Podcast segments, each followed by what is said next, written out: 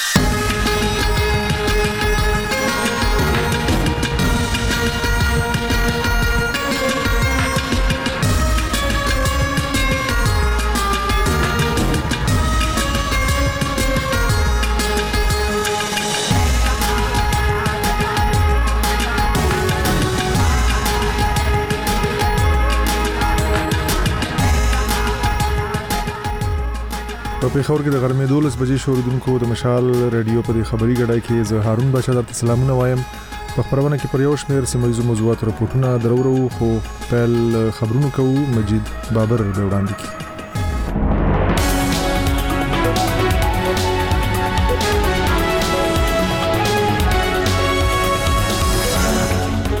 ستړي مشیرون به د مشال د خبرونو سرټکی د خیبر پښتونخوا لپاره د پاکستان تحریک انصاف لخوا نومول شوی اعلی وزیر علي امین ګرناپور ویلي د صوبې د حقونو لپاره به ټولو سیاسي ګوندونو سره په ګډه کار کوي د کندهار لپاره د افغان طالبانو د حکومت والی مولا شیرین په رسمي او غیر رسمي غونډو کې د ژوندۍ مخلوقاتو په عکسونو اخیستلو بندیز لګولی د اروپאי ټولنې د بهرني سیاست او امنیتي تګلارې مشر جوزف بوریل ویلي له له کیف سره به د یورپ له خوا مرستې جاري وي او اوس د مشال د خبرونو تفصیل د خیبر پښتونخوا لپاره د پاکستان تحریک انصاف لخوا نومول شوی اعلی وزیر علي امین ګنډاپور ویلي د صوبې د حقونو لپاره به ټولو سیاسي ګوندونو سره په ګډه کار کوي تیر ورځ د فروری په اتلسمه په پیښور کې د صوبایي اسمبلۍ د سپیکر مشتاق غني په کور کې د پیښور خبريالانو سره په خبرو کې ګنډاپور وویل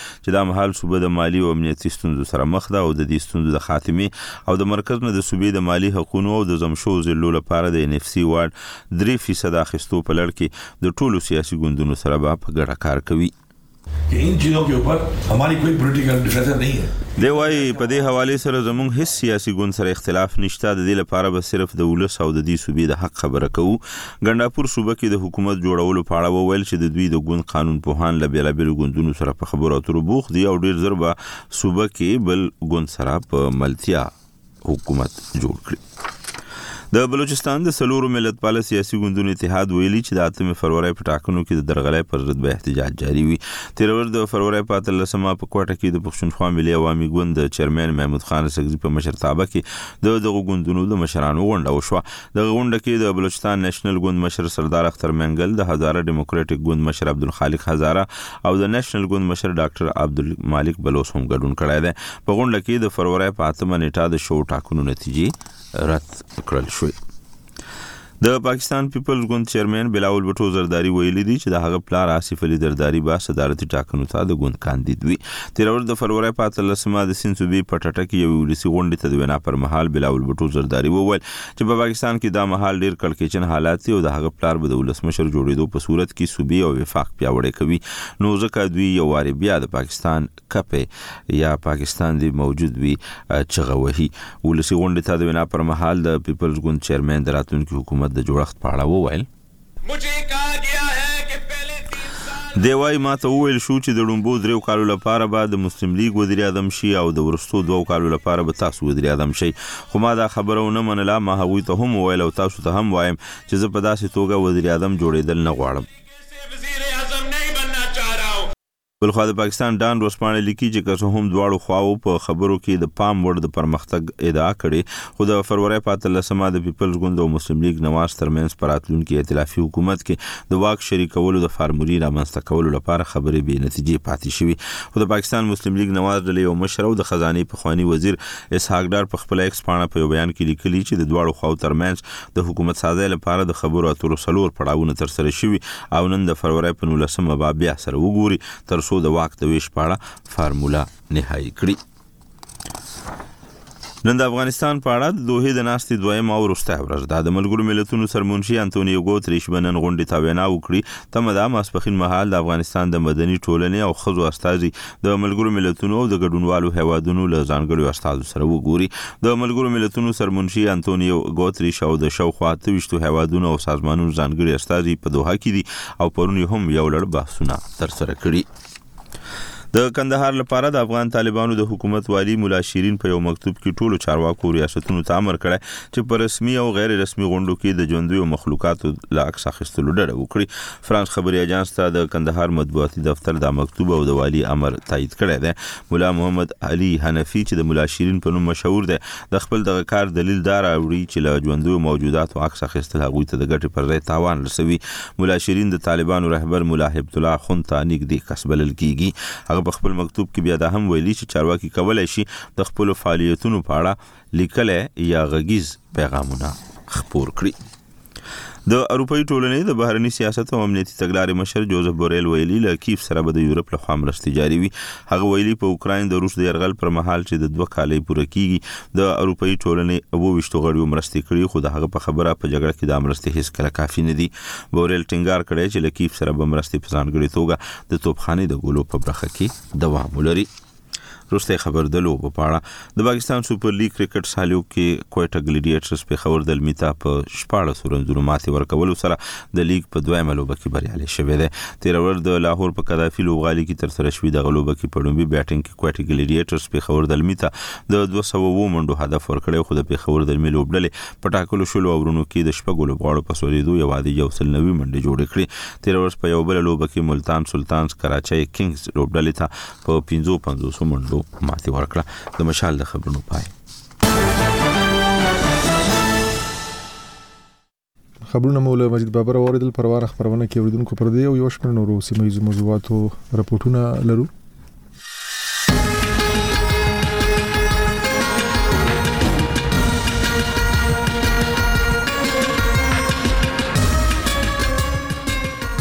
نن د کامی سملای د حلقہ ان درې څلويخت چې د ټانک او ډي خان پر ځینو سیمو مشتمل ده پر شپږو حلقو بیا ځلې انتخابات کیږي دا انتخابات د امنیتي خطرونو لوجې ځنډول شو ول خپل خبرياله تازه معلومات اخلو د خیبر پښتونخوا د اعلی وزیر د چوکۍ لپاره د پاکستان تحریک انصاف نومان د لیامین ګندپور وایي د پاکستان مسلې د د ګوند مسلې دي خو مرکز صوبې ته د ان اف سي ایوارډ 3% برخه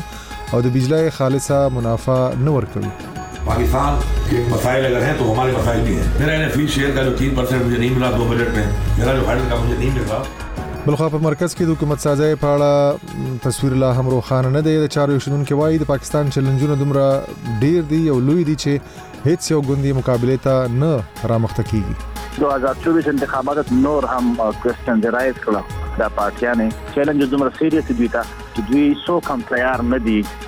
له مشال رادیو سره د پښتون ژغورنې غورځنګ د مشر منظور پښتین مرکه هم درورو هله دا لمګ سره وسی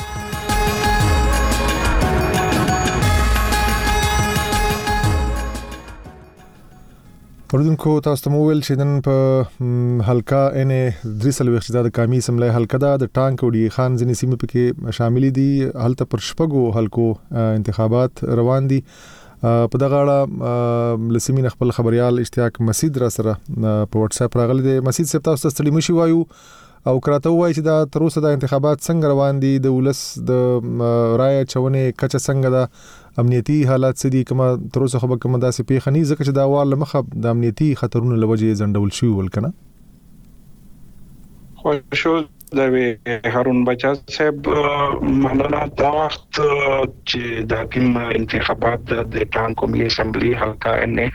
درې سلويشت باندې راوند دی په دا کې شپږ پولینګ سټیشنونه دي چې په دا کې یو پولینګ سټیشن د ټانک ضلع کوټ اعظم سیمه کې دی او ورسره د ډیره اسماعیل خان تحصیل کولاچی سیمه کې پنځه پولینګ سټیشنونو باندې د پولینګ عمل روان دی خو د ټانک ډي پی او افتخار علي شاه د دا وخت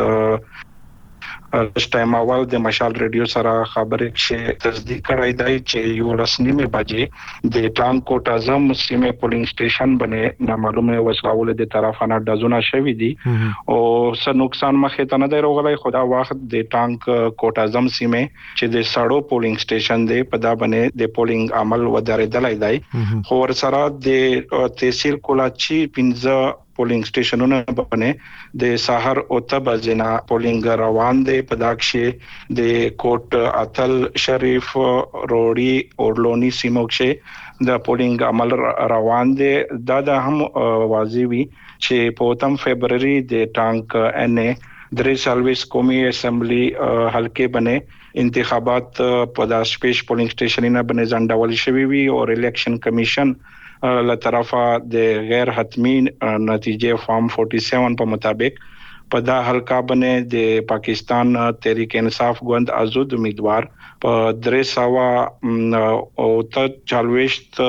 پولینګ سټېشنونه شي په درې سوه دوا چالوېشت پولینګ سټېشنونه شي درې شپته زره پنځه سوه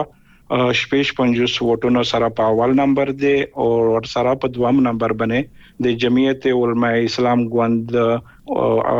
امیدوار اسد محمود چې د مولانا فضل الرحمن زوی هم دی د دواش په تزرا او وسواد دیرش ووټونه حاصل کړي دي او دای په دوام نمبر دي دا نن چې کوم شپږ پولینګ سټیشنونو چې کیمه نتیجه به مخې ترازي دا به په دا کوم قومي اسمبلی دوا امیدوارون دي د دې په نتیجې باندې هم اثر کوي په دا چې د دې دې په منځ کې په منځ شې د اوته سوا شپږ ویشت ووټونو فرق دی دا وخت فرق لګ دی بالکل یو پولیشن بنه او د یو پولینګ سټې کوټ اعظم پولینګ سټیشن بنه پولینګ درېدلای دی او د کلاچی تحصیل پولینګ سټیشن بنه د پولینګ عمل روان دی او الیکشن کمیشن له طرفه ویلي شوي دي چې سهار اوته بجې نه د مزدیګار پنځه بجې پره به دا د پولینګ عمل راون وي. نو دا یو چې تاسو د ټانګ چې کوم پولینګ سټیشن یاد کړ چې دا هلته ډزې شوي دي وسله والو نامعلومو وسله والو او دریدلی دی انتخابات دریدلي دي نو دا به همداسې دریدلي اوسي که نه دا دوی څه وایي چې دا به نن ورځ کې بیرته دغه شي شروع شي انتخابات به وي. بلکل د ډي پي او افتخار علي شاه ویل چې دا وخت پولینګ ودرېدلی دی خو د وسله والو د طرفه نه د پولینګ سټیشن بهر ته ډزونه شوي دي څه نقصان یا مرګ ژوبله مخې ته نه ده راغلي دا وخت پولینګ سټیشن کښې دننه هم په ګڼ شمېر کښې ووټران او د پولینګ عمله په کمرو کښې ننه بند دي د پولینګ عمل درېدلی دی خو پولیسو مشر دا ویل چې څرنګه امنیاتي حالات ښه شي د پولینګ عمل به بیا شروع کوي سمه ده ډیره زیاته مننه اشتاق مسید را سره زموږ خبريال دی په سیمه کې او د مونږ ته معلومات راکړل چې نن د کامی سملې یو حلقه ده ان درسل وخت یو پولینګ سټیشن په ټانک کې دی او 15 په ډی خان کې دی هلته بیا ځلې انتخابات روان دي په یو د ټانک په پولنګ سټیشن تاسو اوریدل چې مسید مونږ ته وویل چې هلته نامعلومه وسلوالو ډزې هم کړې دي دا وخت هلته د پولینګ عمل چې دی د انتخاباتو هغه درول شوی دی خو په دغه نورو پنځو لا هم روان دی او د ورځې په وګدو کې ومنګه لمسید نه تازه معلومات اخلو تاسو ته په هر خبرونه کې کوشش کوو چې د ضرورت سو او اوس بل راپور ترازو د پاکستان تحریک انصاف چې کوم نوماند دی د خیبر پښتونخوا د اعلی وزیر د چوکۍ لپاره علي امین ګندپور پرون په پیښور کې له خبريالانو سره لیدل دي او هغه په خپل خبرو کې ویلي دي چې د د د ک وزیر شي نو لومړیتوب به د دغه صوبې لمرکزه دغه صوبې حق غستل همدارس د صوبې پرمختګ او بیا په تیر د امن لپاره د ډیر جدي ګامونه پورته کوي او ده ویلي چې د د ګوند لګیا دی له ځینو ګوندونو سره سلا مشورې کوي هغه سره په خبرو بوخت دی چې په صوبه کې حکومت جوړ کی دا تفصیل د خبري غونډې راکوي لپاره خبره شبیر احمد جان پېښور سپیکر هاوس کې د پېښور خبریالانو سره د خپل پلار د مړینې فاتحې په موقع د صوبې نومول شوي وزیراعلا علي امین ګنډاپور وویل چې تر دې دمه له کوم ګوند سره صوبه کې د حکومت جوړولو په فارموله نه دي سلا شوې خو خبرې اترې روانې دي. دوسری حوالې سے ہماری جو ہے وہ ہم ایک اریجمنٹ کر رہے ہیں ایک ایسی اریجمنٹ جس سے ہماری یہ سیٹ ضائع نہ ہو اور ہمیں جو حق ہے ہماری وہ خواتین کو ملے اقلیتوں کو مل جائے۔ همدغه حوالې سره مونږ یو بندوبست کوو چې زموږ د زنانو او اقلیتو مخصوص څوکۍ ضایع نشي او تر اوسه داسې حتمی پریکړه چا سره نه ده شوې موږ عدالت کې رټ هم کوو لومړیتوب زموږ خپل ګوند او خپل نخه ده په نولسمه فروری باندې درخواست ورکوو او دوهم دا چې کم ګوند کې په عارضي توګه شامل شو خپل ګوند دننه ټاکنې وکړو او واپس خپل ګوند ته لاړ شو او زموږ چې کم قانوني ټیم دی هغه د عارضي بندوبست لپاره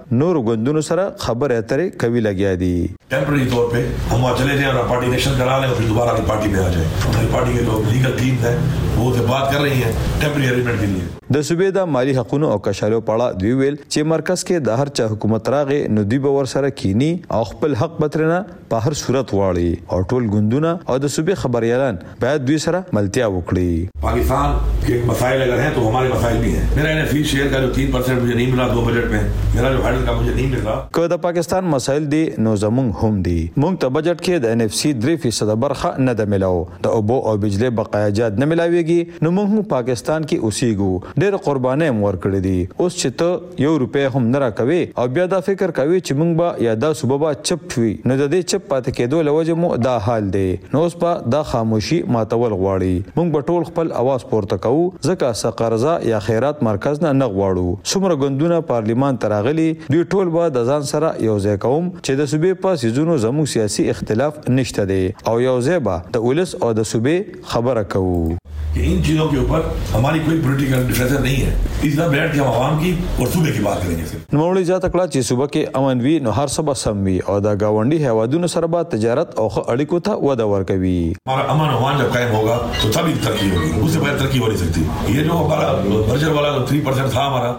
چي زموږ امن او امان په ځای شي نو پرمختګ به هغه وخت کيږي دې نه بغير ترقي نه شي کيدای دا زه چي خپل دري فيصده برخه غواړم نو ځکه چي تر څو دا نه وي ملو شوي روزګار به دلته ښه نه وي تعليم به ښه نه وي ادارې به ښه نه وي نو داسي دا حالات نه شي ټيک کيدای. وهاں پې جب تک انفرسټرکچر بهتر نهي هوګا، روزګار نهي هوګا، تعليم نهي هوګي تو يې حالات ټيک نهي هو سکتې. علي امين ګنډاپور چې د نهم مئي پېښو کې تورن هم دی وويل چې نه هم مئي پېښې د دوی ګوند یا ملګرو نه دي کړې او وخت به راشي چې پوره پلټنې وشي نو دا به په ډاګه شي چې دا چا کړي دي. شبیر احمد جان، مشال ریډیو، پېښور. دا مشال ریډیو ده. که د روانو چارو نه ځان خبروئ، د مشال تر څنګ اوسئ.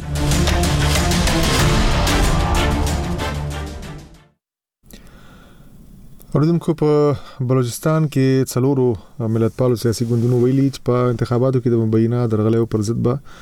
خپل احتجاج جاری ساتي د پښتونخوا ملي عوامي ګوند بلوچستان نېشنل ګوند هزاره ډیموکراټیک ګوند او نېشنل ګوند داوا کوي چې پرونی په ټولو صوبه کې کامیاب په یجام هړتال کړی دی خو حکومت ویلي چې د سیاسي ګوندونو د احتجاجونو او کاربندیز د اعلانونو لوجه عام ولس له مشکلاتو سره مخامخ کیږي بلخو پاکستان الیکشن کمیشن د فبرورۍ اتم انتخابات رانه بللی دي ایوب ترين حال راکوي د بلوچستان د څلور واړو ملتپالو سیاسي جماعتو غونډه د پښتونخوا ملي عوامي ګوند د چیرمین محمود خان اڅکزي په مشرتابه کې په کوټه کې وسوه په کوم کې چې د بلوچستان نیشنل ګوند مشر سردار اختر مینګل د هزاره ډیموکراټیک ګوند مشر عبدالخالق هزاره او د نېشنل ګوند مشر ډاکټر عبدالمالک بلوڅ ګډون وکړئ. په دې غونډه کې د فروري په اتمه نېټه سوي عام انتخابات یې مخ له رد کړي او ویلي دي چې د پاکستان په تاریخ کې دا لومړی ځل دی چې په حکومتي کچه دومره لویه درغلي یا ټګي سوې ده. او د غونډې مشرانو پرېکړه کړې ده چې دوی به د انتخابي ټګۍ په ضد خپل احتجاج روان وساتي. په دې اړه د پښتونخوا ملي او مېګوند مرکزي سکرتر او درېیم زیارتوال و مشالېډو ته وویل چې په غونډه کې به د نورو سیاسي جماعتو سره د خبرو لپاره و محمود خان اڅکزي او سردار اختر تر مېنګل ته د تماس نيولو اختيار ورکول شوی دی. کوارډينېشن کمېټۍ ته هدايت وشو چې پر مخ باندې دا خپلې پرېکړې ستا چې کوم کارونه جوړېږي د احتجاج دا ته يې وسنجوي د هغه ترتيب لاندې به پارټيانې پر هغه عمل درآمد کوي بنيادي تور باندې چې د ډي سي د دفتر تر مخ کومه درنه ده دا به جاري وي درېيمه خبره بيا چې کومي سياسي پارټياني موږ سره رابطه کوي يا ژموږ له خوا رابطه کيږي دا اختيار مصر ته او اختر جان مينګل ته په ميټينګ کي ورکړل سو چي تاي خپلي رابطې که چا در سره کولې هم کوم له چا سره کولې هم په دې به موږ يو بل بيا ځان سره خبر ساتو نو دا وسول. دا په داسې حال کې چې د پاکستان تحریک انصاف یو مرکزي غړي او د قامي اسمبلۍ پخواني سپیکر اسد قیصر په دې وروستیو کې د ښاغلي اچکزي سره پر ټیلیفون تماس نیولی وو. بل پلو ته د یادو جماعتو د کوارډینیشن کمېټۍ غړو یوه غونډه د فروري په اتلسمه نېټه په کوټه کې شوې ده په کوم چې پرېکړه کړې ده چې د ولس د رایو یا ووټو د چور کېدو په ضد به د فرورۍ په یوویشت مه نېټه د کوټ پرس کلب و مخ ته احتجاجي مظاهره کوي. په دې ترڅ کې د هزاره ډیموکرټیک ګوند مرستیال صوبایي سکتر داود هزاره نور حال څه داسې راته راکړئ. تیس تاریخ باندی به پریس کلب مخامخ ته به هلته مظاهره وی بایس به. کسی به جلسه یې دغه کرا په پچې په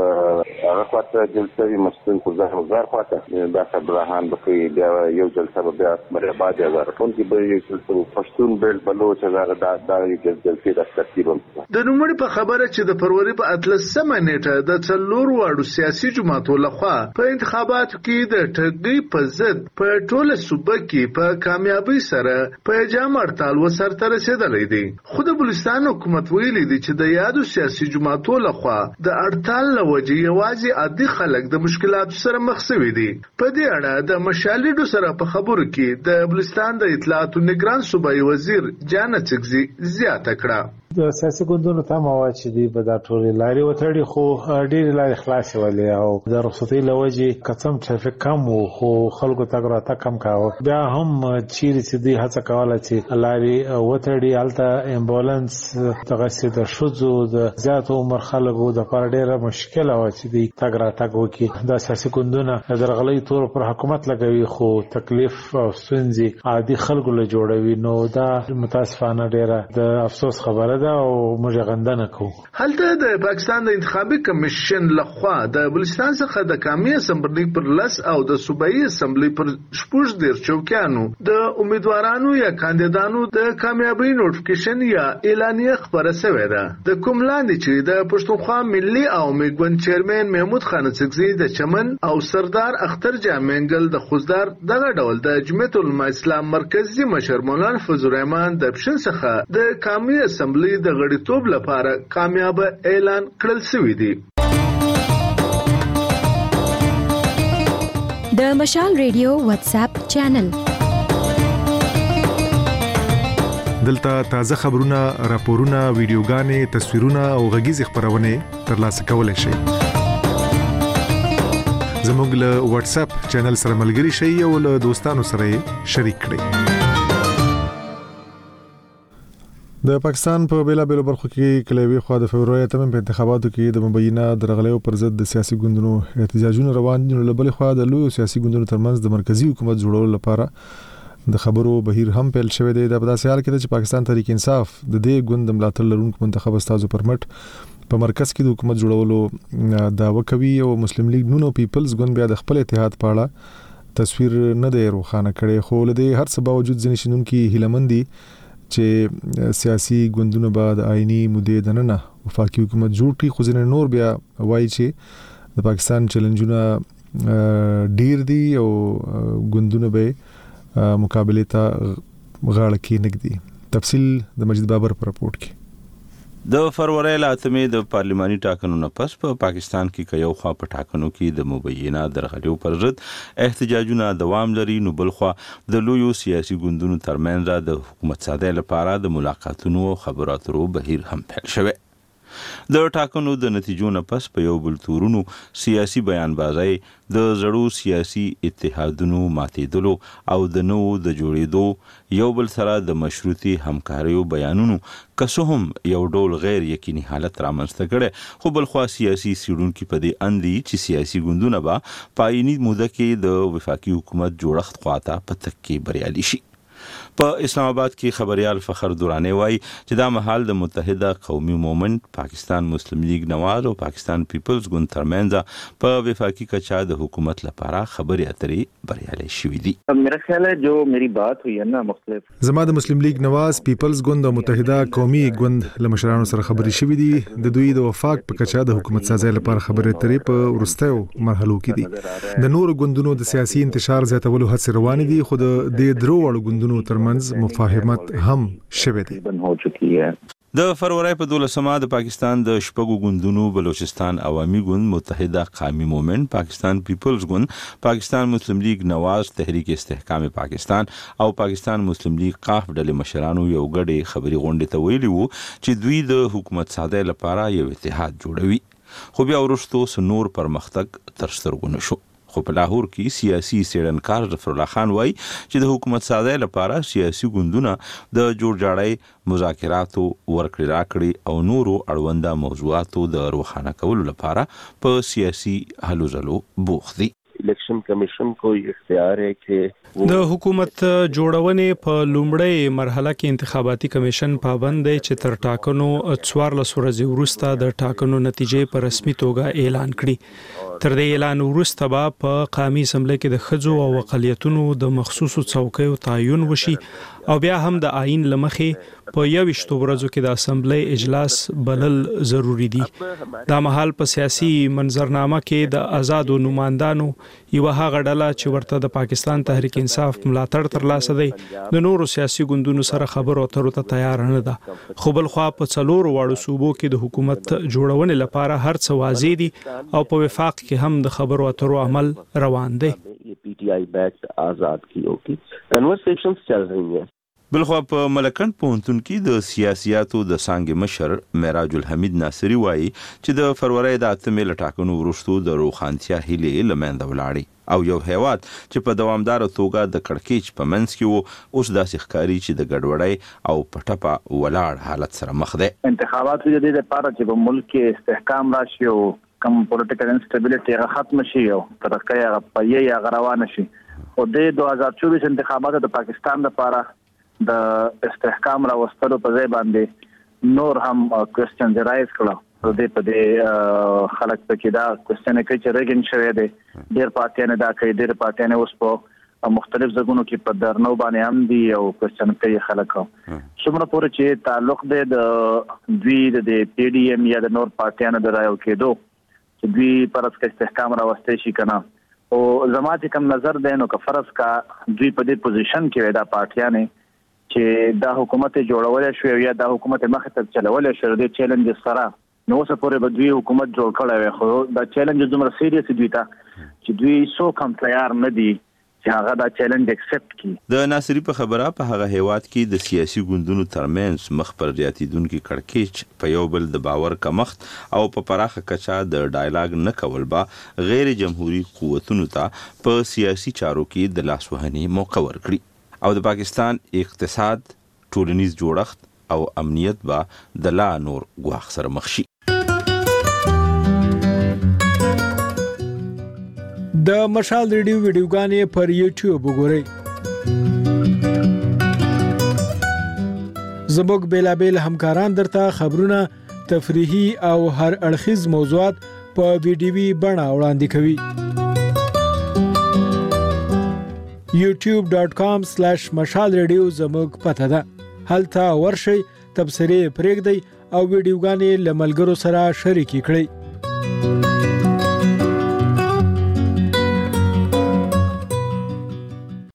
مشال ریډیو ته غوږی اوریدونکو تورخم ته څیرمه موقتی پندغالی ته له پاکستانه قانونی اسناد نه لرونکي ستانه شوي افغان کډوال د ژوند د لومړنیو ضرورتونو له نشتوالي سره ټکوي دوی د افغان طالبانو له حکومت غواړي چې ستونزې هوارې کړي خو په ننګرهار کې د طالبانو د حکومت د کډوالو او بیرته ستنیدونکو چارو مسولین وایي ورستنو شو کډوالو ته د ژوند لومړني ضرورتونه پوره کړي دي او هڅه کوي چې د کډوالو ټولې ستونزې حل کړي تفصیل زموږ د خبریال په دې رپوټ کې. تورخم ته څېرمه مومندرې ولسوالۍ کې له پاکستان نه په ایستل شوو کډوالو ته موقتي پنډغالی جوړ شوی او هغه کورنۍ په کې په لنډمهاله ډول ساتل کېږي چې په خپلو سیمو کې سرپناه و نه لري. په دغه پنډغالي کې له پاکستانه اسناد نه لرونکي ستانه شوي کډوال وايي چې د ژوند بنیادي سهولتونو ته لاسرسی نه لري. دوی له مسؤلو طالب چارواکو غواړي چې د ژوند بنیادي ضرورتونه یې پوره او د ستنو شوو کډوالو په ښارګوټو کې ورته د کورونو لپاره نمرې ورکړل شي. دغه پنډغالي ته څو تنه تازه ستانه شوي کډوال وايي. هېوادوال شته دی زموږ په شمول چې ځمکه نه لري دلته نې ځمکه شته دی او دولت سره دا وعده کړې ده چې مثال تاسو ته به موږ ځمکه درکوو نو اوس موږ غواړو چې موږ ته ځمکه راکړي. بل لور ته په ننګرهار کې د طالبانو د حکومت د کډوالو او بېرته ستنېدونکو چارو رئیس باز محمد عبدالرحمن وايي چې په پنغالي کې یې د راستنو شوو کډوالو لومړني ضرورتونه پوره کړي او هڅه کوي چې د راستنو شوو کډوالو ټولې اړتیاوې پوره کړي. اوسه پورې خو لږه پنځوس زرو نه زیاتې شوي دي کورنۍ چې راغلي دي دې ته ټول سهولتونه برابر شوي ان شاءالله. د دوه زره درویشتم زیږدیز کال د نومبر له لومړۍ نیټې نه د پاکستان حکومت د قانوني اسنادو نه لرونکو افغانانو، له پاکستانه د ویستلو لړۍ پیل کړې چې لا هم دوام لري. طالب چارواکي وايي چې د تورخم او چمن له لارې تر دې مهاله شاوخوا پنځه سوه زره افغان کډوال خپل هېواد ته راستانه شوي دي. د مشال رېډيو خپراونه وروئ.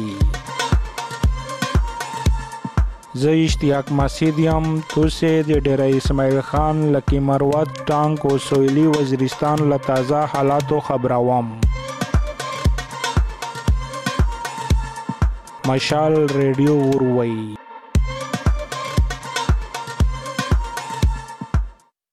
تاسو مشال رادیو دا وخت اوري اوریدونکو په پیښور کې د غرمې 12 نیمه بجې شوې لړن خبرونه به له مجید بابر وورو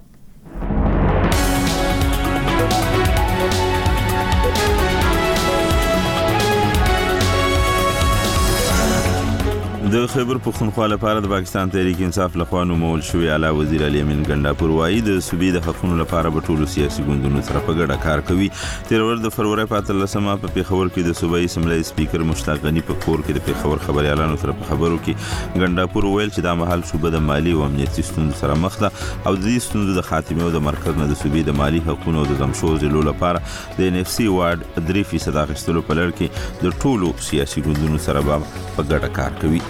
د بلوچستان د سلورو ملت پالو سیاسي ګوندونو اتحاد ویلي چې د 8 فروری په ټاکنو کې د درغلې پر ضد به احتجاج جاری وي تېره ورځ د فروری په اتلسمه په کوټه کې د پښتونخوا ملي عوامي ګوند د چیرمن محمود خان اڅکزي په مشرتابه کې د دغو ګوندونو د مشرانو غونډه وشوه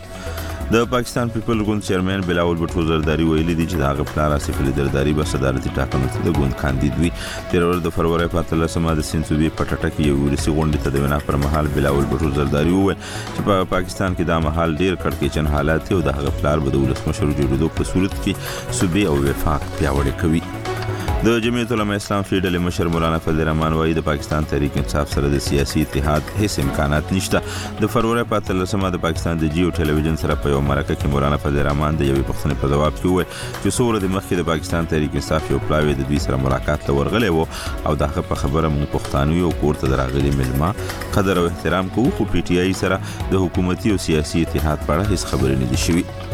نن د افغانستان په اړه د دوه د ناستې دویمه او وروستۍ ورځ ده د کندهار لپاره د افغان طالبانو د حکومت والی مولا شیرین په یو مکتوب کې ټولو چارواکو ریاستونو ته امر کړی چې په رسمي او غیر رسمي غونډو کې د ژوندوي مخلوقاتو د اخیستلو ډډه وکړي د اروپای ټولنې د بهرني سیاست او امنیتي تګلارې مشر جوزف بوریل ویلي لکیف سره به د یورپ لخوا مرستې جاري وي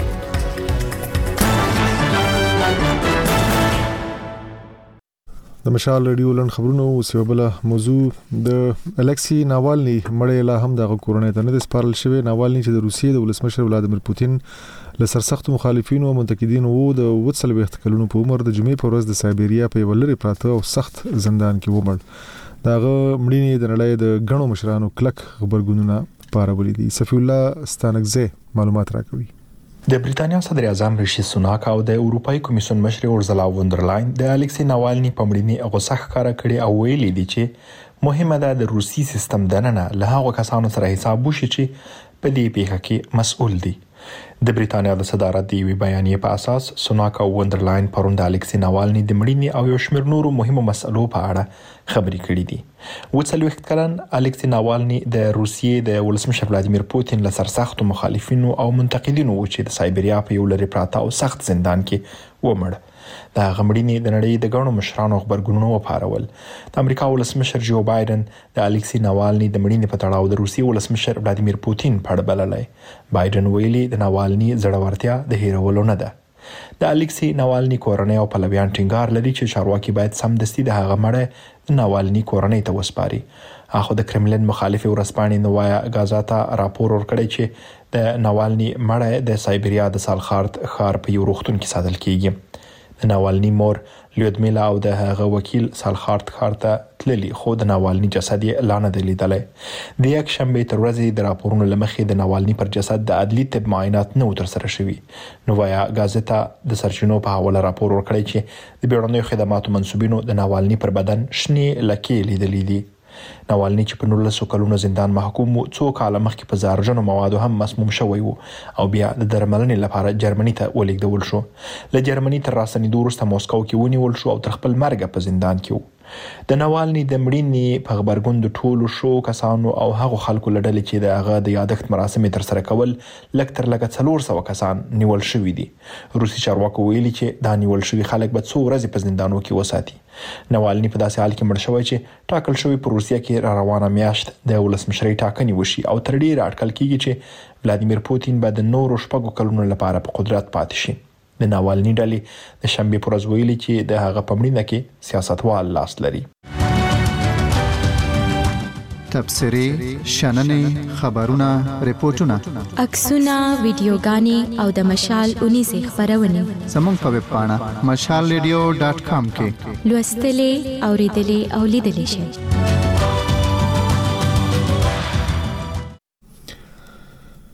نن د افغانستان په اړه د دوه د ناستې دویمه او ورسته ورځ ده تمه ده د افغانستان د مدني ټولنې او خځو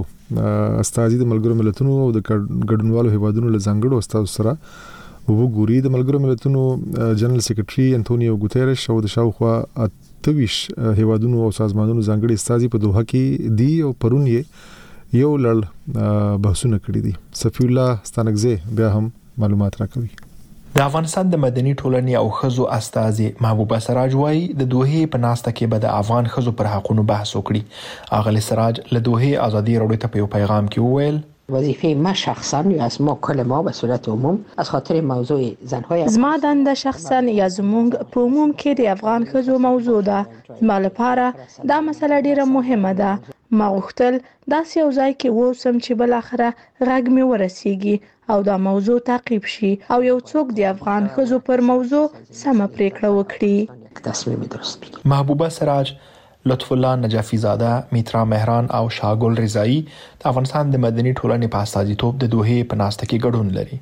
د طالبانو له بیا واکمنېدو راهیسې له شپږم ټولګي پورته افغان نجونې له ښوونځیو منع شوي او د دوه زره دوویشتم کال په وروستیو کې د افغان نجونو په مخ د پوهنتون دروازې هم تړل شوي. په دې سربېره د طالبانو په غیردولتي موسسو کې د ښځو کار منع کړی او په نورو ګڼو برخو کې هم محدودیتونه وضع کړي. د دوحې د ناستې په درشل کې د افغانستان لپاره د ناټو پخواني ملکي استازي نیکلاس کي له ازادي راډیو سره په یوه ځانګړې مرکه کې وویل، له دې چې طالبانو په ټولنې ولکه ټینګه کړې، د بدلون لپاره ډېر خوشبینه نه دی او دا هېواد د ده په خبره له بده مرغه سختې ورځې په مخ کې لري. د دوحې د ناستې په لومړۍ ورځ د افغانستان لپاره د بیلابیلو هیوادونو ځانګړیو استازیو بحثونه درلودل او ماښام مهال د راپورونو لمخې د ملګرو ملتونو سرمنشي انټونی ګوتریش چې یک شنبه دوحې ته رسیدلی د دوحې غونډه په رسمي توګه پرانیسته طالبانو ته د دوحې په ناسته کې د ګډون بلنه ورکړل شوې او خو هغوی په دې دلیل چې ګواکې دوی د افغانستان د اصلي لوري په توګه نه وو ورغوښتل شوي خپل بې اغیزې ګډون ګټور ونه باله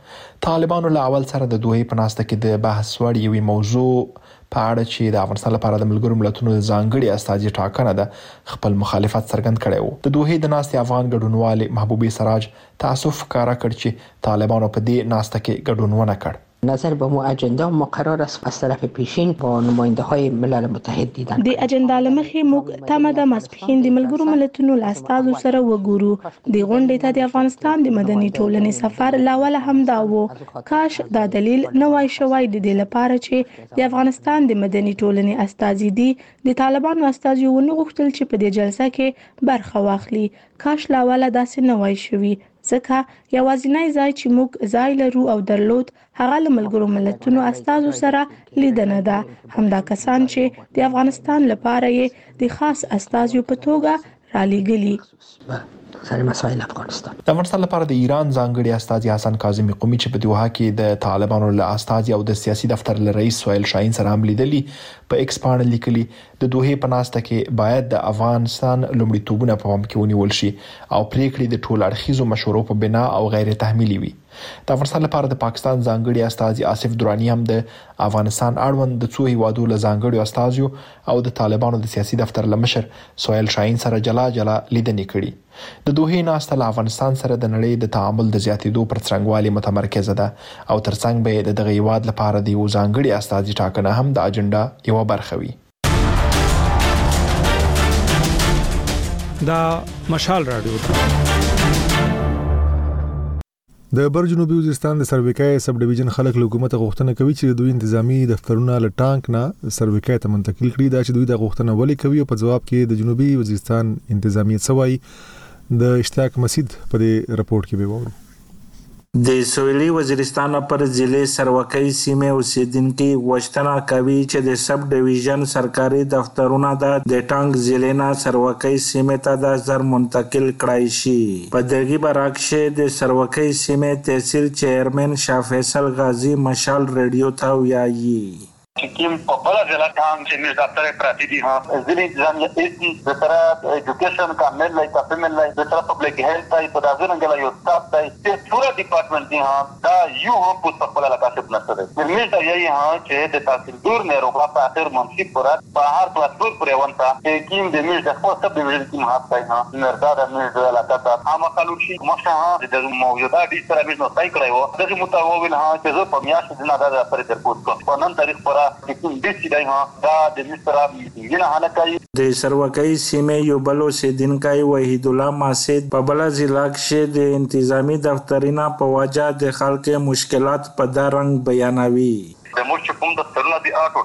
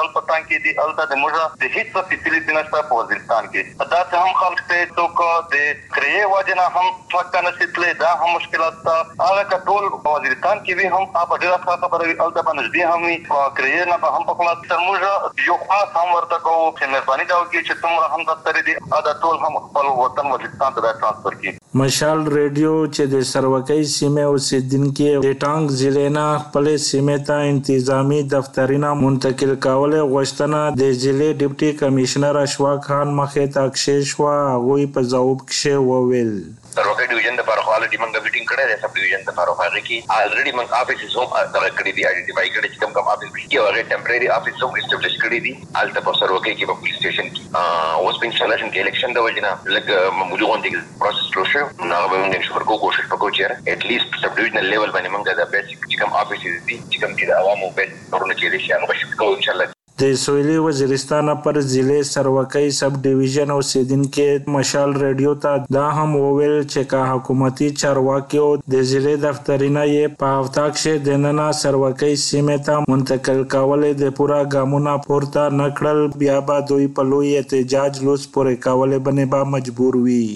اشتیاق مسید، مشال رېډیو، ډېره اسماعیل خان. اوریدونکو د پښتون ژغورنې غورځنګ پی ټی ایم مشر منظور احمد پښتین وایي په زندان کې د پلټنو په نامه سپکاوی کېده خو نوموړی زیاتوي چې هغه پر خپل دریز ټینګ ولاړو د نوموړي د ادا په اړه تر اوسه پاکستاني چارواکو سند دی ویلي له مشال لوی سره د فبرवरी پر 14مه د خبرو پر مهال پښتین زیاته کړه چې هغه د پښتنو د خې ورځې لپاره مزاحمت کوي په دې لار کې هر ډول قربانیو ته چمتو دی نوموړي زیاته کړه چې ډېر زر به د پښتون ژغورنې غورځنګ په آئین کې پر اصلاحاتو او نوې تنظیم سازی کار پیل کړي پښتین له زندان تر خلاصېدو وروسته دا وخت د خیبر پښتونخوا د مختلفو برخو په سفر دی لنموړي سره د مشال لډیو خبريال زلان یوسفزي دا مرکه کړې ده د مشال رادیو اوریدونکو او کتونکو سلامونه او نیکی هیله منظور احمد پښتون سوره جوړاندې د جیل نه راخلاص شوی دی او وس په خیبر پښتونخوا کې په خپل کارکونانو باندې ګرځي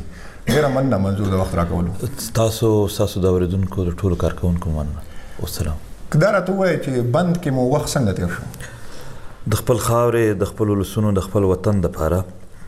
او هر تکلیف مونږ ته نور سکون راکړی دی نور یې زړه ته خوشحالي راکړې ده البته دوی خپل کوششونه کول چې هر څومره تذلیل او تکیر کولای شي چې ویې کی خو موږ په دې کې هر کله دغه فکر موږ ژوندۍ ساتلو خوشاله ساتلو چې نور څه مسله خو نه و خو دوی به پښتنو ته په لارو کې د چیک پوسټ په نامه کنځلې کولې، په کورونه ورننوتل. دوی موږ ته وايي، تاسو په دې غلي شئ. موږ ورته نه، دا زموږ ولسونه دي، په دې به موږ غلي نه وو، مزاحمت به کوو. که چېرې دا ګناه وي، نو ظاهره خبره ده، په دې باندې هره سزا او هر څه ته تیار هم یو. که وایي، او موږ د کام سره وعده هم کړې وه، چې یقیناً که لاره سخته وي، قربانۍ ته هم تیار یو. په دې موضوع به خبرې کوو، خو. عام طور یو تاثر دا جوړ دی چې کوم کله کم پرسته سیاسي کارکنان یا تاسو چې څنګه مزاحمتي سیاست تاسو کوی دا جیل ته لړ شي نو دا یو افواوی چې ادارې ورسره کوشش کوي چې سر ډیل ورسره کوي خبره ورسره کوي نو تاسو سره سر ډیل شوی دی ورور ما سره هیڅ ډیل نه دی شوی البته د تفتیش په نامه باندې چې هر څوک راغلي دي چې کومه خبره مې بهر کړې ده هغه مې دننه کړې ده او دا هم درته وایم چې د تفتیش په اخري صفحه مې دا هم درته لیکلي وو چې یې جو دهشت ګردي یې اس کې پیچور دي په خپل موقف نه مونږ نه پر شا کیږو زمونږ خبره حق ده ما به یوازې دا ورته ویل چې زه څه اقتدار خو نه درنه غواړم زه کرسي غواړم سیاسي سړی که د چا سره ډیل کوي هم خو څه راکه څه درکم په دې به کې وي نو زما خو ټوټل سیټ اپ داسې دی د تحریک چې په دې کې ټوله راکړه که کیږي خو ولس ته به کیږي وطن ته به کیږي خو البته په دې هم څوک نه را وغږیدل هغه یو ایف آی آر داسې و چې زما په ټویټونو یې کړی و په هغه کې دوی چې کله کمنټ غوښتل ما صرف دا کمنټ ورکړ چې زه اول ځل خوشحال یم چې زما په خبرو څوک زما تحقیقات کوي نو ما جج ته مخامخ کې په دې بدلونو سره پیښ خو نه یې وکړل بیا مخکې تحقیقات په مخ نه بوتله دوم نوم در سره چا رابطه نه راکړې چې د خپل موقف نه یا په شاشه یا چې لګ نرمي راولا یا د مزاحمتي سیاست په ځای باندې پارلیماني سیاست شروع کړي مخکې نه شوې وي دا ټرای زه اوس تفصیل ته نشم تللی ډېر وخت دا کوشش شوی دی او زه بهرحال ځنې خبرې دا وي چې د بل لږ پکې کمی کیږي زه د بل په کمی باندې بیا خپل هغه موقف پرېږدم خو وایم چې خیر دی بل ته کمی مه ورکوه پښتانه دي تکړه خلک دي مشران دي هغو په ذریعه باندې هم شوی و چې که تاسو د مزاحمتي سیاست پر ځای تاسو راشئ اقتدار ته الته د خبرو کې تاسو چینج د غزې نه راولئ کنه مونږ چې یاره پاکستان قانون کې هم یا د دنیا پر قانون کې ضروری نه ده چې ته احتجاج کوي بیا خامخا پارلمان ته هم ځه احتجاج پر صورت کې کیږي زمونږ نور څه شوق شته نه پاتې شول پارلماني سیاست ته هغه ډیر زیات وجوهات دي ډیر زیات وجوهات دي چې غنه مونږ لک سایډ ته یو ها د دې کې شي غشتنه تر دوه زره دوه ویشت پره ډیره په تسلسل سره کېدله. ستاسو ځینې ملګري خو په دې الیکشن کې هم ووټونو ته انتخاباتو ته ولاړ وو. چې څومره هم څوک هم انتخاباتو ته ولاړ وو د هغې متعلق فیصله دا ده چې پي ټي ایم د خپلو عهدو نه هم دوی برطرف کړل، لرې کړل. او ورسره یې اعلامیه جاري کړه چې د دوی سره زموږ څه تړون نشته په الیکشن کې دا د دوی ذاتي فیصلې دي تحریک هیڅ کله په دې پارلماني سیاست کې حصہ نه اخلي محسن داوړ احتجاج کاوه په الیکشن کې مبینه درغلو پر ضد او ډزې په وشوي ځنې کارکنان مرګ ژوبله پکې وړې ده په خپل هم زخمی دي کچره غي احتجاج کوي تاسو به ملاتړ کوئ دغه پیښه خلاف یې کولو د دغه پیښې خلاف نو هغه ملاتړ وکړو بلکې زموږ ملګرو احتجاج ورته کړی هم دی د دوی نه بغیر هم البته موږ د پیښې ډېر غندو یوازې محسن داوړ نه بلکې ټول پښتانه اکه محسن داوړ وی کبل وی کبل که د هر ګوند هم وی او که زما مخالف هم وی کم څه کم د وطن دشمنانو ته به یوازې موږ نه ورکو هر څه حساب به خپل سره وکړو نو په داسې حالاتو کې په الکشن نه پس يو خوا په شانګله کې مرګونه وشول، بل خوا په شمالي وزيرستان کې وشول، بل خوا په باجوړ کې وشول، په مختلفو ځايونو کې وشول، يعني دغه الکشن دغسې خطرناک حالات کې په پنجاب کې هم کېدو، خو بيا هم پښتانه بيا هم هغه د غرياست د پاليسيو د وجې يا بدبختي دوی ته راشي. مونږ د مظلوم سره يو، د ظالم خلاف يو، البته بيا هم واضح خط کوو چې پارلماني سیاست سره تړون نه لرو. تاسو چې کوم د مخکو خبرو کې په فوج باندې کومې نیوکې وکړې نو اوس خو چک پوسټونه هم کم شوي دي په چک پوسټونو باندې نرمي راغلې ده آیا ستاسو د مزاحمتي سیاست په هم دغه شانتي روان وي کنه دې کې به تاسو تر تکینه د فوج سره به خبرې کوي مذاکرات وکړي که چېرته وړاندیز درته وشي 2013 کې ما مذاکرات کړي دي ما خطا که د هغو مذاکراتو تصویر چې زه هلته ورسره ناست یم په خپله پیج اپلوډ کړی و، په ټویټر مې اپلوډ و، په هغه کې مې لیکلي و چې ګوره تاسو وایئ دا مذاکرات نه مني، مذاکرات خو زه کوم، الټه د ده کسانو بل ځل هغه تصویر استعمالولو چې وګوره دا خو د دوی سړی دی. او چې مذاکرات نه کوې بیا هم وایې چې پښتانه سرپیري دي، چې کوې یې بیا بیا پروپیګنډا کوې. چې اجنټان دي. د دغه ریاست سنجیدګي نشته دی په دوی کې. دومره غیر سنجیده طرز باندې دوی داسې ټي پې هیڅ سنجیدګي نشته دی. زه رښتیا ټر موږ مذاکرات کړي دي. دوی مذاکرات د ټوکو او مسخرو په طرز کول. څه نتیجه نه وه؟ زه یې درته بیانوم. دوه زره اتلس کې موږ مذاکرات شروع کړل. په ونه کې حمله وشوله. دا مذاکرات د یو قبایلي جرګې چې شاجګل دې په کې موجود و، د کور کمانډر لاړو ښه کېدل. دا جرګه به موږ ته تله راتلله. ان د مذاکرات په منځ کې په وانه کې زموږ ملګرو حمله وشوه زما درې ملګري شهیدان شول 15 سلویر زخمیان شول په 2019 کې د سېنات سره سېنات اعلامیه جاری کړله سېنات سره زموږ مذاکرات شروع شول یو سیشن وشو دوم سیشن تم تاریخ ورکړی وو په دې منځ کې په خړ کمر کې د حمله کوي زما ملګري وژل شهیدان او زخمیان کیږي. خړ کمر کې خو دا هم اعتراض و چې تاسو ستاسو ملګري چې هغوی چیک پوسټ کراس کولو کوشش کاوه او بیا. ورور چیک پوسټ چې کراس کولو څه دی دوی کورونو ته خو نه ورننوتي زموږ علاقه ده په لارې زه ولې نشم تلای خو که زما نه ټوپک وای ده دا کار کړی وای په دګی چیک پوسټ باندې ترهګر ځي راځي هغه ته خو څه نه وایې عام خلک سیاسی خلک چی خپل علاقی خپلو خلکو ته ورځی چیک پوسټ کراس کول دا څومره بد. چیک پوسټ ترهګر څنګه ځی راځی چیک پوسټ خو جوړ ددی لپاره چی ترهګر ودریی او منی کی. دا کیمره راوړه دا ځایه دا ته شه زه په تا باندی مخامخ ګورم او د پاکستان میډیا ته چیلنج ورکوم چی که په ما په دوی نه ولیدل مخامخ علاقه به زه ورته وښیم چی دا علاقه دا علاقه. چې کوم سزا راکوي را دي تاسو چرته په خپل کیمرا ریکارډ کړی او د درته سند مې کوم دا خو بالکل به درته سند کوم او چې یو ځای ډوډګانې خوري چې دغه درته سند کوم نوري درته سند کوم دا راته وای ریاست تاسو پر ریاست باندې ډیر کلکه نیوکه کوي تاسو یا تاسو ملګری دینه مخکې چلی وزیر دی یا چا باندې هم د ریاست ضد د ویناګانو یا د خلکو د راپارولو د ویناګانو اف آی آر درج شوی دی تاسو په خپل په سټیج باندې بعضی وخت کې داسې خبرې وکړي چې ډېرې د تشدد نه ډکې خبرې وي او تحریک تاسو د عدم تشدد په بنیاد باندې شروع شوی دی ولې داسې صورتحال بیا جوړیږي چې په هغه کې په تاسو اف آی آر یو شي بیا تاسو ته ستونزې او خو زمونږ اول خبره تشدد نه دی البته مونږ چې کوم حال کې خبرې کوو یو ځل خو د زمونږ انډرسټینډینګ شوی وای دومره وهل، دومره ټکل او دومره هر څه نه چې انسان تېرېږي، خامخا به دا. تشدد نه زما مطلب دا دی چې خبرې ستاسو ډېرې زیاتې سختې وي او په هغې کې په ریاست باندې داسې قسمه نیوکې وي چې هغه. که ته زما تقریرونه وګورې، په هغه کې مظلومیت ډېر دی د خپل قام، خو یو نیم تقریر داسې دی چې په هغه کې سختي وي. اخري تقریر زما د اسلام اباد ول دی چې هغه ډېر چلېږي په دې تر سره. زما درې ملګري په جېل کې وو د فوج. په دته باندې اف آی آر کاټ وای پولیس نیولې وای ما هیڅ نه ویل او زه خبر وم به انتها تشدد پکې ماته د لورو لیډرانو خو پته نشته دی خو خپل په قران شریف قسم خورم چې یو ملګری مې په تکلیف کې په دازړه کې مې راسته تیریږي را تیریږي د تکلیف نو ډیر زیات قرب سره موږ تیرېدل زما درې ملګری په جیل کې وو ما سم ملګرو ته سیو چې یاره یا ملګری راستل یا ملګری نه راوځي زه هم پسل نه وسم نو ډیر سخت تکلیف موږ قراب تار رغولي دي دلته ناست يو سره څه کړي رز روزانه هره ورځ سوير ټارچر يې ورکولو سوير زه نشم بیانولی چې هغه ټارچر څنګه و دلته زه دلته بیانول اسټابلیشمنت خو سو واري انسانان ته تسپی ور غکا په هغه باندې خورا دا کوم طرز دی ته دا کوي زه د ملګری زما د ملګری سره ا ګنا نه دی خو ما که په تقریر کې وویل هم چې ته ګناګار یې ا ګنا دی زما تقریر ګنا دی او ته دلته کرنټونه خلق ته ورکوي د کرنټ خپل کورسې جوړې کړي دي هغه کینوي او کرنټونه ورکوي اسټابلیشمنټ څو وارې دا ویلي دي چې مختلف کوم پوځي عملیات چې وشول په قبایلي سیمو کې دا غي په نتیجه کې سنا سر امن راغلی دی او وس په کار دي چې دا ځوانان موږ سره یو شي او د دغه سیمو په ترقه او پرمختیا کې موږ چې کومونه کردار ادا کړي تاسو خو تاسو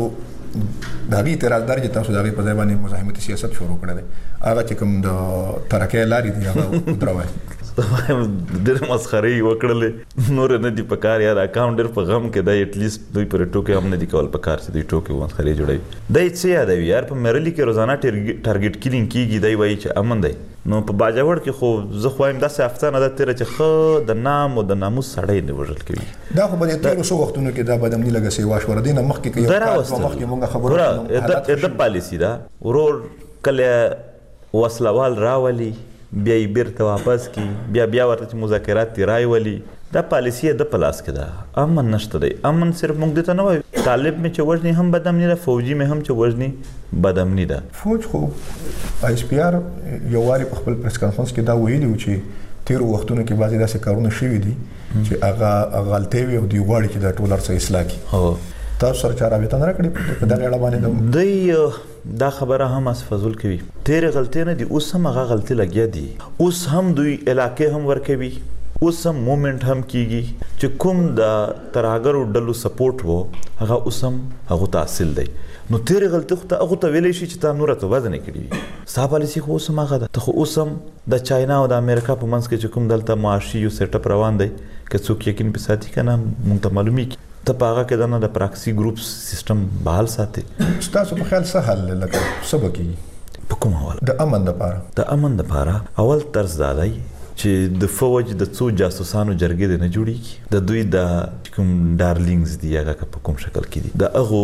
جرګې نه وی را ده شي د پښتون قام مشران شته هم سیاسي او هم علاقه یي د دغو سره د ناسته وشي ځکه چې دلته ډېرې قربانۍ شوي دي په دې تر باندې ریزلټ راوتلی شي دا د اولس د زور د اولس د سپورټ نه بغیر څوک هم نشي کولای. تاسو خپل تحریک کې څه نوې تیزي راولی؟ بیخي بیخي نوې دومره نوې چې هغه به یعنی یک بیخي به په ګراوند باندې وښکاري چې دا مو په جیل کې دا سوچ کړی دی روزګار وخت کې یوازې ومه بیخي په ځینو وختونو کې نو دیارلس ورځې خو مې د ځان محاسبه کوله ډېر مشکل کار دی هغه ځان ته چې جج شي بیخي مشکل کار دی ذهني تور باندې نو چې زه څه وکم دا وطن دا کام چې زما نه ډېر امیدونه لري د دې تحریک دا غو په ولا سره د غفلت څه توای او اکټیونیست توای بیا زموږ تنظیم چې کوم دی موږ پوهیږو چې اوسنی منشور دومره زورور نه دی چې د پښتون وطن د ډیرو سترو سیمو د هر کلي ځوانان مشران سپین ګیري او حتی زموږ خوندې مندې دوی پکې ځانونه وویني نو یو واضح منشور چې هغه ټول قام ریپریزنټ کوي او بیا د دوی د منظمتیا لپاره هیڅ د بل هیواد یا د بل دنیا د بل تنظیم کاپی نه بلکې د دغو اولسونو چې کوم فطرت دی د هغې مطابق یو تنظیم جوړول او د دغه فطرت مطابق حتی که د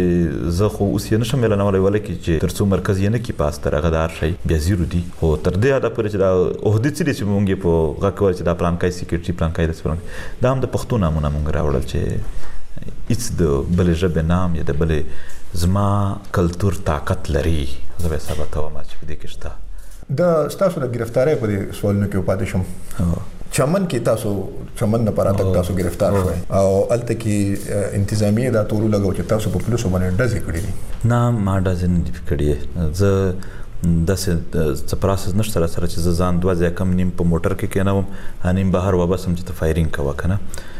نو زه یو وم او په ګډ کې دنه ناست نو ما ډزې څنګه وکړې؟ نه مطلب چې د منظور پښتون ډزې نه دي کړې، د منظور پښتون سره ناستو کسانو چې کوم دی یا هغه سره روانو کسانو چې په پولیس ډزې کړې. په پولیس خو نه دي کړې، ګاډی خو زما لګېدلی دی، نو پولیس خو د یو ثبوت پېش کړي چې دا زموږ ګاډی ولګېد یا مو دا سړی ولګېد، دوی خو څه داسې نه دي چې داسې شیان یې اخیستي دي چې کارتوس بیا اثر نه پرې کوي، چې په دوی یې ډزې کړې وای خو دوی به څوک لګېدلي وای، دوی په موږ ډزې وکړې زموږ ګاډی ولګېد، هغې ثبوت شته دی، نو دا دروغ دي او په دې دروغو باندې دوی ملک چلوي، سوچ کوه.